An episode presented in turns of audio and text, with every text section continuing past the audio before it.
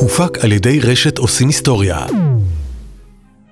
שלום שלום וברוכים הבאים לצורכים חדשנות, הפודקאסט של קבוצת שופרסל שעוסק במפגש של חדשנות, טכנולוגיה וקמעונאות. אני דוקטור יובל דרור.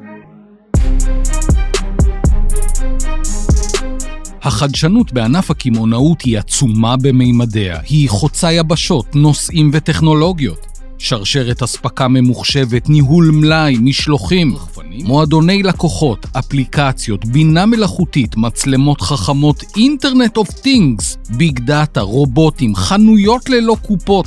זו רק רשימה חלקית של המקומות בהן חדשנות וטכנולוגיה פוגשות קמעונאות ואז משנות אותה מהקצה אל הקצה. בפרק הזה ובפרקים הבאים אנחנו נטפל ברעיונות, מהלכים, טכנולוגיות וחידושים שעד לא מזמן נשמעו כמו מדע בדיוני, אבל בהדרגה הופכים לחלק בלתי נפרד מעולם הקמעונאות. ניקח אתכם במנהרת הזמן אחורה, אבל בעיקר קדימה, ונסרטט ביחד את החוויה הצרכנית העתידית של כולנו. כדי לעשות את זה, הרשו לי לקחת אתכם לרגע אחד לניו יורק, ולהציג בפניכם את אחד היזמים החשובים ביותר שאתם לא מכירים, וינסנט אסטור. הברנש הזה היה נצר למשפחה עשירה בארצות הברית שעשתה את הונה במהלך המאה ה-19 ובראשית המאה ה-20. ב-1914 פרצה מלחמת העולם הראשונה ומחירי המוצרים בארצות הברית זינקו לשמיים. כיאה לצאצא של אנשי עסקים ממולחים, אסטור הצעיר זיהה הזדמנות. ההיגיון שלו היה פשוט. בחנות קטנה יש היצע מוגבל של מוצרים, ומכל מוצר יש כמה? ארבעה, חמישה פריטים. למה לא לפתוח חנות ענקית, שבה ניתן יהיה להציע מגוון עצום של מוצרים, ולמכור אותם בהיקפים הרבה יותר גדולים? באופן הזה, כך חשב אסטור, הוא יוכל לנצל את היתרון שיש למי שרוכש בהיקפים גדולים, בסיטונאות. הוא יוכל לדרוש, וגם לקבל, הנחות מהיצרנים. אסטור השקיע בין 750 אלף למיליון דולר, שבמונחים של היום מתורגמים לכ-20 מיליון דולר. ואז בשנת 1915 הוא פתח בפינת רחוב 95 וברודוויי שבניו יורק את אסטור מרקט, שיש שטוענים שהוא הסופרמרקט הראשון בהיסטוריה. מה אפשר היה לקנות שם? מה לא? בשר ופרחים, קמח ותבלינים, דגנים ושימורים. זה היה סופר מרקט. סיפור רומנטי, נכון? זה סיפור יפה על יזמות ועל חדשנות ו... טוב, זה היה כישלון. זה היה כישלון והסיבות לכך היו רבות, בין השאר הצרכנים היו רגילים לקנות במכולת הקטנה והקבועה שלהם, הם אפילו העדיפו אותה. והיה עניין קטן נוסף, עגלת הקניות. היא הומצאה רק 22 שנה מאוחר יותר, בשנת 1937. זה אולי נשמע מצחיק, אבל זה לא נוח במיוחד להסתובב במתחם ענק, לאסוף מכל הבא ליד, ואז לנסות לאלתר דרכים שונות ומשונות לסחוב את כל הרכש כשאין לך עגלת קניות. חלפו 15 שנה ובאוגוסט 1930 פתח מייקל ג'יי קולן סופרמרקט נוסף. גם הוא פתח אותו במנהטן, רק שהפעם זו הייתה הצלחה מסחררת. למעשה זו הייתה הצלחה כל כך מסחררת שיש מי שטוענים שדווקא הסופרמרקט שלו, של קולן, דווקא הוא הסופרמרקט האמיתי הראשון. בעודי קורא על הסופרמרקטים הראשונים, אני הבנתי שבסך הכל הם נראים ונשמעים לי די מוכרים. למה? טוב, זה לא בגלל שביקרתי ב-1930, אלא בגלל שעל פניו נראה שבמאה השנים האחרונות לא חל שינוי משמעותי בקונספט העקרוני של סופרמרקטים. נכון, עגלת הקניות הומצאה ב-1937, ואין ספק שזה היה שינוי משמעותי. והברקוד, זה, זה שסורקים לנו בקופה, הוא הוטמע בסופרמרקטים בשנות ה-70, וזה היה big deal, אבל עולם הקמעונאות, כך לפחות אני חשבתי, נותר בגדול עסק מסורתי למדי. סופרמרקט ענק, מוצרים על המדפים, עגלת קניות, קופה, משלמים הביתה. בזה מסתכם העניין, לא? אז זהו, שממש ממש לא. לא רק שהעולם הזה הרבה יותר מסעיר ממה שרבים חושבים, בשנים האחרונות התחוללו בתוכו שורה של שינויים אדירים. אחד מהם הוא היחס למובייל, לטלפונים סלולריים, לאפליקציות. אם במקרה אתם גרים בארצות הברית, אתם יודעים שלא ניתן שלא להכיר את וולגרינס. גם אם רק קצת טיילתם שם, סביר להניח שחלפתם ברחוב על פני אחד מ-7,500 הסניפים של רשת בתי המרקחת העצומה הזו, שאלפיים מהסניפים האלו פתוחים 24 שעות, 7 ימים בשבוע. שינוי מהותי בוולגרינס התרחש כשהיא השיקה גרסה חדשה לאפליקציה שלה. דרך האפליקציה, משתמשי הקצה יכולים להתכתב עם הרוקח, לקיים שיחות וידאו עם רופאים ולהעביר מרשמים לסניף הקרוב לביתם. בנוסף, האפליקציה הזו מתמודדת עם אחת הבעיות הגדולות ביותר בעולם הפרמקולוגיה. שכחתי לקחת אתמול את הכדור. כן, מסתבר שמעבר למחלות כרוניות, תרופות שמתנגשות האחת עם השנייה, תופעות לוואי וכל העניינים האלו, אחת הבעיות הנפוצות ביותר בתחום היא שאנשים פשוט לא זוכרים לקחת את התרופות שלהם. עם התראה פשוטה באפליקציה, אפליקציה שגם כך אתה משתמש בה לניהול המרשמים והתרופות שלך, הסיכוי שתשכח ליטול את התרופה שלך קטן בצורה משמעותית. הגישה הזו של וולגרינס להקיף את הצרכן מכל הכיוונים היא לא המצאה מקורית שלה. למעשה, וולגרינס היא רק עוד שחקן אחד מיני רבים שמאמץ את גישת ה-360. הרעיון מאחורי הגישה הוא בסך הכל פשוט. העסק רוצה לפגוש את הלקוח לא רק בנקודה אחת בדרך שלו, אלא בכל המסלול. 360 מעלות. כן, הרעיון אולי פשוט, אבל זה בכלל לא פשוט לייצר חוויית 360 טובה ושלמה ללקוח. ייתכן שזו הסיבה שפיתוח והטמעה של חוויה שכזו נחשבים לגביע הקדוש של חברות רבות בעולם הקמעונאות, ולא רק בו. גם בבנקאות מדברים על חוויה של 360, גם באקדמיה, בביטוח, בתחבורה, בבידור, בכל מקום.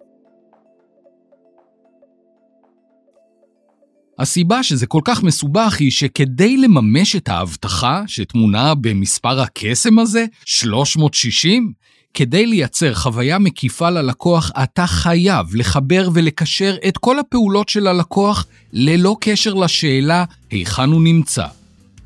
אתה צריך לחבר את מה שהלקוח עושה במובייל למה שהוא עושה באתר, למה שהוא רואה בפייסבוק, למה שהוא רואה באינסטגרם, למה שקורה כאשר הוא נכנס לחנות הפיזית.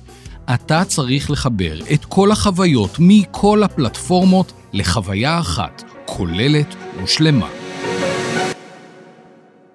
המונח המקצועי לאתגר העצום הזה מכונה בשם אומני צ'אנל, והוא מתאר את החיבור, את האינטגרציה בין הפלטפורמות השונות של העסק, גם ברמת החוויה וגם ברמת השיווק. עכשיו, שימו לב, אני אומר אומני צ'אנל, כן, אומני, לא מולטי צ'אנל, אומני צ'אנל. מולטי צ'אנל משמעותו שיש לעסק מספר ערוצים, מספר פלטפורמות, אבל זה לא אומר שהן מסונכרנות ביניהן. אומני צ'אנל, אם תרצו, הוא השדרוג, הוא גרסה 2.0. אומני צ'אנל הוא מה שמולטי צ'אנל רוצה להיות כשהוא יהיה גדול. בהקשר הזה, Crate and Barrel, רשת חנויות כלי בית בארצות הברית וקנדה, היא דוגמה מאוד מעניינת. הרשת הזו השיקה פיילוט לשדרוג ה omnichannel שלה בסניף באילנוי, ובמסגרת הפיילוט נפרסו בסניף מה שהם קראו לו mobile totes, או מטענים ניידים.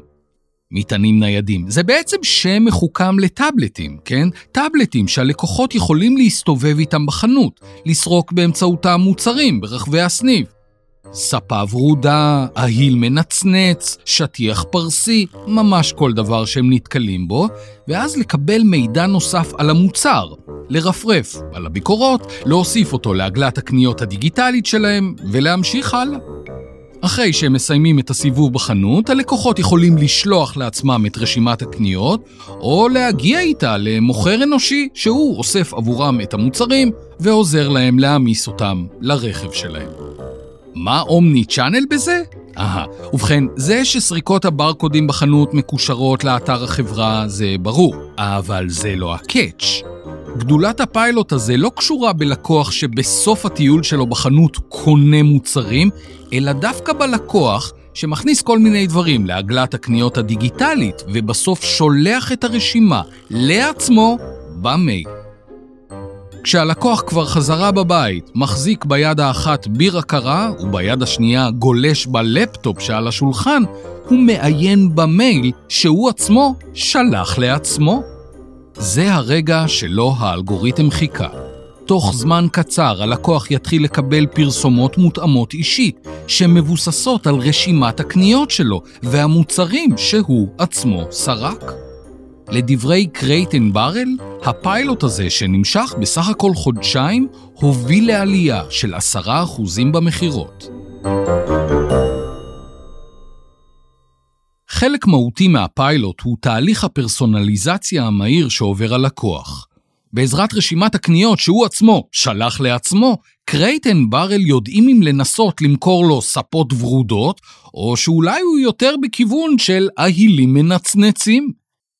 עכשיו, הפרסונליזציה והאפיון המדויק של הלקוח הם אולי מטרידים חלק מהאנשים, אבל מחקר שערכה חברה בשם Red Point Global, שמתמחה בשירותי ניתוח נתונים ושיווק דיגיטלי, העלה תוצאה מאוד מעניינת.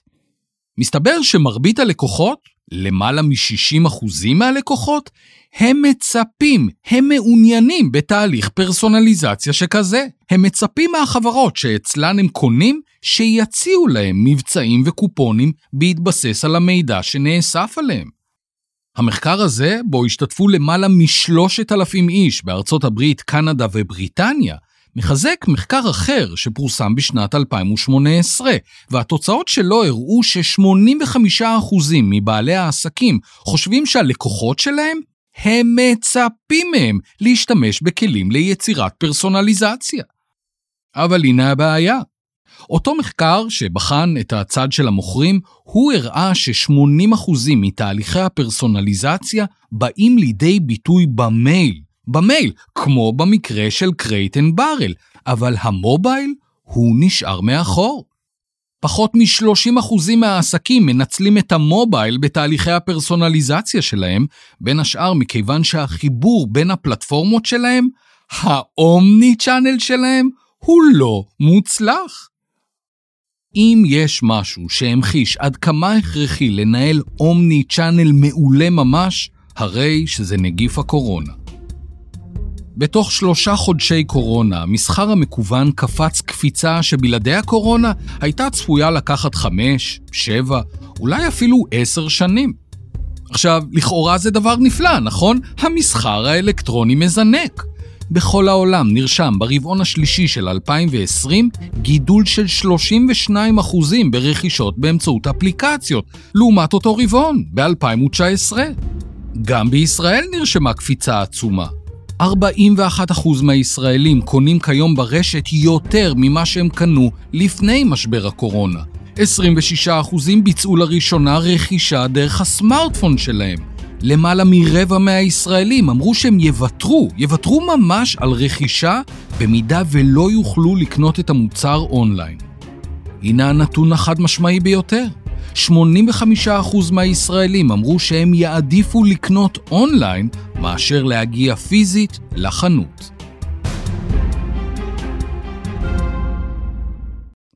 נו, חדשות טובות. מסחר אלקטרוני זה טוב, מסחר אלקטרוני זה אחלה, מה הבעיה? אה, הבעיה היא כזכור שיש קמעונאים שלא מחברים בין הפלטפורמות, ובעיקר הם לא מפעילים את קסמי הפרסונליזציה על המידע שהם מקבלים מהאפליקציה שלהם. הם לא מנצלים את הפוטנציאל האדיר של הדאטה שמגיעה מהמשתמשים האלו, ומשום כך הם לא מציעים להם מוצרים שמותאמים להם באופן אישי. הם לא מייצרים נאמנות ובידול, ובעיקר, הם מפסידים המון, המון המון כסף. המסקנה כאן ברורה, יש צורך דחוף ומיידי לחבר את הפלטפורמות, לרענן ולשדרג את האומני צ'אנל כך שהוא יטפל גם בלקוחות שמגיעים מהמובייל, מהאפליקציות. את הלקח הזה שופרסל למדה מזמן. לאחרונה היא השיקה אפליקציה חדשה שמתקשרת עם אתר האינטרנט שלה. כעת לקוח יכול להתחיל רכישה באתר שופרסל, ואז לעבור לאפליקציה שלה, להמשיך ולמלא את העגלה שלו שם, ולסיים את הרכישה חזרה באתר. הכל נשמר, הכל מחובר, המעברים בין הפלטפורמות בלתי מורגשים. זה לא רק החיבור בין האפליקציה לאתר האינטרנט, כן? חיבור אחר הוא בין האפליקציה של שופרסל לסניף עצמו. מכירים את זה שאתם הולכים בתוך הסניף ובתוך זמן קצר הולכים לאיבוד? איפה לכל הרוחות מוצאים טופו? ובכן, הבעיה הזו נפתרה. היא נפתרה באמצעות האפליקציה שמסתכלת על רשימת הקניות שלך, ואז מייצרת עבורך מסלול הליכה אישי בתוך הסניף שלך. כל החיבורים האלו מניבים הרבה מאוד מידע שמאפשר לייצר פרסונליזציה ברמה גבוהה. כיוון שכל הפלטפורמות מדברות האחת עם השנייה, האפליקציה יודעת להציע לך קופונים, הנחות ומבצעים על מוצרים שאתה מרבה לקנות. בשנה האחרונה הופיעו לא מעט כתבות שטענו שהדחיפה שקיבל המובייל בפרט והמסחר המקוון בכלל יובילו להיכחדות הסניפים הפיזיים. קפיצה כל כך גדולה בהיקף הפעילות והרכישות באמצעות אפליקציות ואתרי האינטרנט, כך טענו הכתבות, מעידה על תחילת הסוף של הקניות במרחב הפיזי. למעשה עוד לפני המגפה חשף דוח של KPMG שהסיבה המרכזית שמובילה אנשים לקנות אונליין היא הנוחות שנובעת מכך שהם יכולים לעשות את זה מתי שהם רק רוצים, 24/7. כן, זה דוח לפני המגפה, כי לא צריך את נגיף הקורונה בשביל להבין עד כמה זה נוח. הנתונים מצביעים על כך שרבים מאיתנו שגילו בתקופת הקורונה את האפליקציות, ימשיכו להשתמש בהן גם אחרי שהנגיף יעבור. סקר שבוצע בארצות הברית מצא שכ-68% מהצרכנים שהחלו לרכוש מוצרי מזון דרך האינטרנט רק בתקופת המגפה, הם ימשיכו לעשות את זה גם בעתיד. ועדיין, אני בכלל לא בטוח שאנשים מוכנים להיפרד מהחנויות הפיזיות. בסוף, אני יודע, זה קצת קשה להאמין, אבל בסוף אנחנו ננצח את הנגיף הזה. ואז לא מן הנמנע שאנשים ירצו לחזור לצעוד בתוך מגוון המוצרים העצום בין מקררי הענק העמוסים במוצרי חלב. אני יודע שאני אשמח, למרות הנוחות של הקנייה מרחוק, יש לא מעט אנשים שעדיין מעוניינים בחוויה הזו של רכישה בתוך סניף אמיתי, של כניסה לתוך עולם, של ריחות, של פירות וירקות, מאפים וממתקים, וגם הצבעה על הגבינה הזו. לא, לא זאת, לא, זאת שלי, זאת שלי, זאת. את הגבינה הזאת אני רוצה. זו הסיבה שרוב הרשתות הגדולות לא ממהרות לסגור את הסניפים הפיזיים שלהם. הן מבינות שבעתיד הנראה לעין, אנחנו נרצה לנצל את הטוב מכל העולמות. אנחנו נרצה את הסניף השכונתי הקטן לצד הסניף רחב הידיים. אנחנו נרצה את העושר של אתר האינטרנט לצד הנוחות, הזמינות והמהירות של האפליקציות. אנחנו נרצה לקבל הצעות שמותאמות לצרכים שלנו, ובעיקר אנחנו נרצה לעבור בין כולם, בקלות ובמהירות. עד כאן צורכים חדשנות, פודקאסט החדשנות של קבוצת שופרסל. בשבועות הקרובים אנחנו נמשיך לעסוק בנושאים שונים הקשורים לחיבור המרתק הזה שבין חדשנות, טכנולוגיה וקמעונאות. אני מזמין אתכם להמשיך ולעקוב, הכנו לכם הרבה הפתעות. אני דוקטור יובל דרור, תודה רבה שהאזנתם, נשתמע בפרק הבא.